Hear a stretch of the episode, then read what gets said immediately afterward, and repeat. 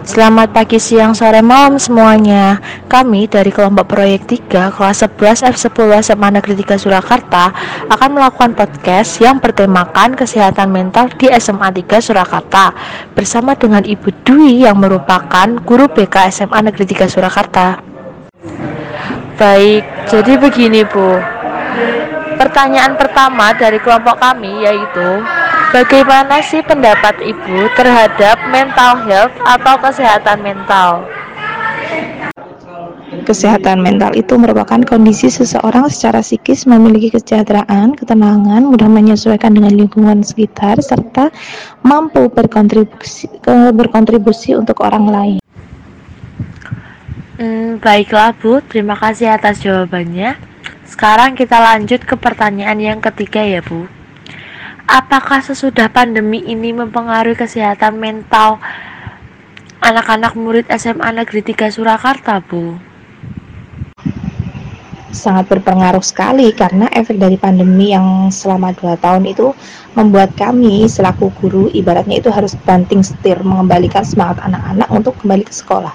Efek dari pandemi itu ketika anak-anak sudah mau berangkat sekolah tanpa disuruh itu sudah sangat luar biasa sekali menurut kami jadi e, ibaratnya prestasi itu yang dulunya itu nomor satu sekarang semangat anak-anak itu menjadi nomor satu buat kami gitu.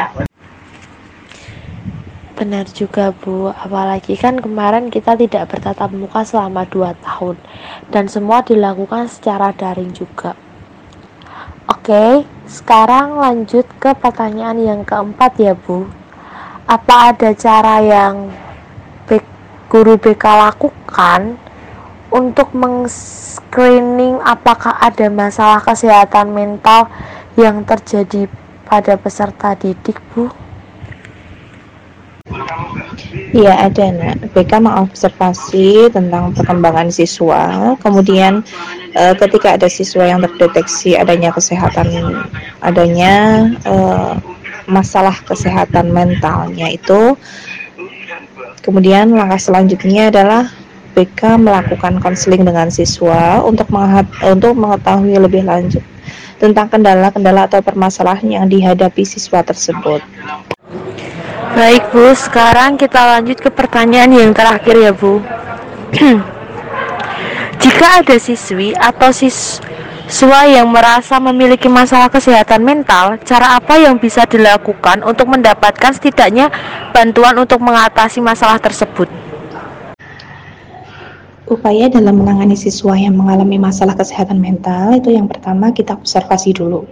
Kemudian yang kedua ketika terdeteksi kita panggil siswa untuk sharing dulu Kemudian yang ketiga, ketika sudah tahu akar permasalahannya, kita adakan bimbingan. Tetapi jika permasalahannya itu yang dihadapi siswa sudah mengganggu lingkungan sekitar, kita konsultasikan dengan orang tua, kemudian e, siswa dilakukan konseling. Sekian dari podcast kami semuanya. Maaf jika kami ada salah kata. Terima kasih.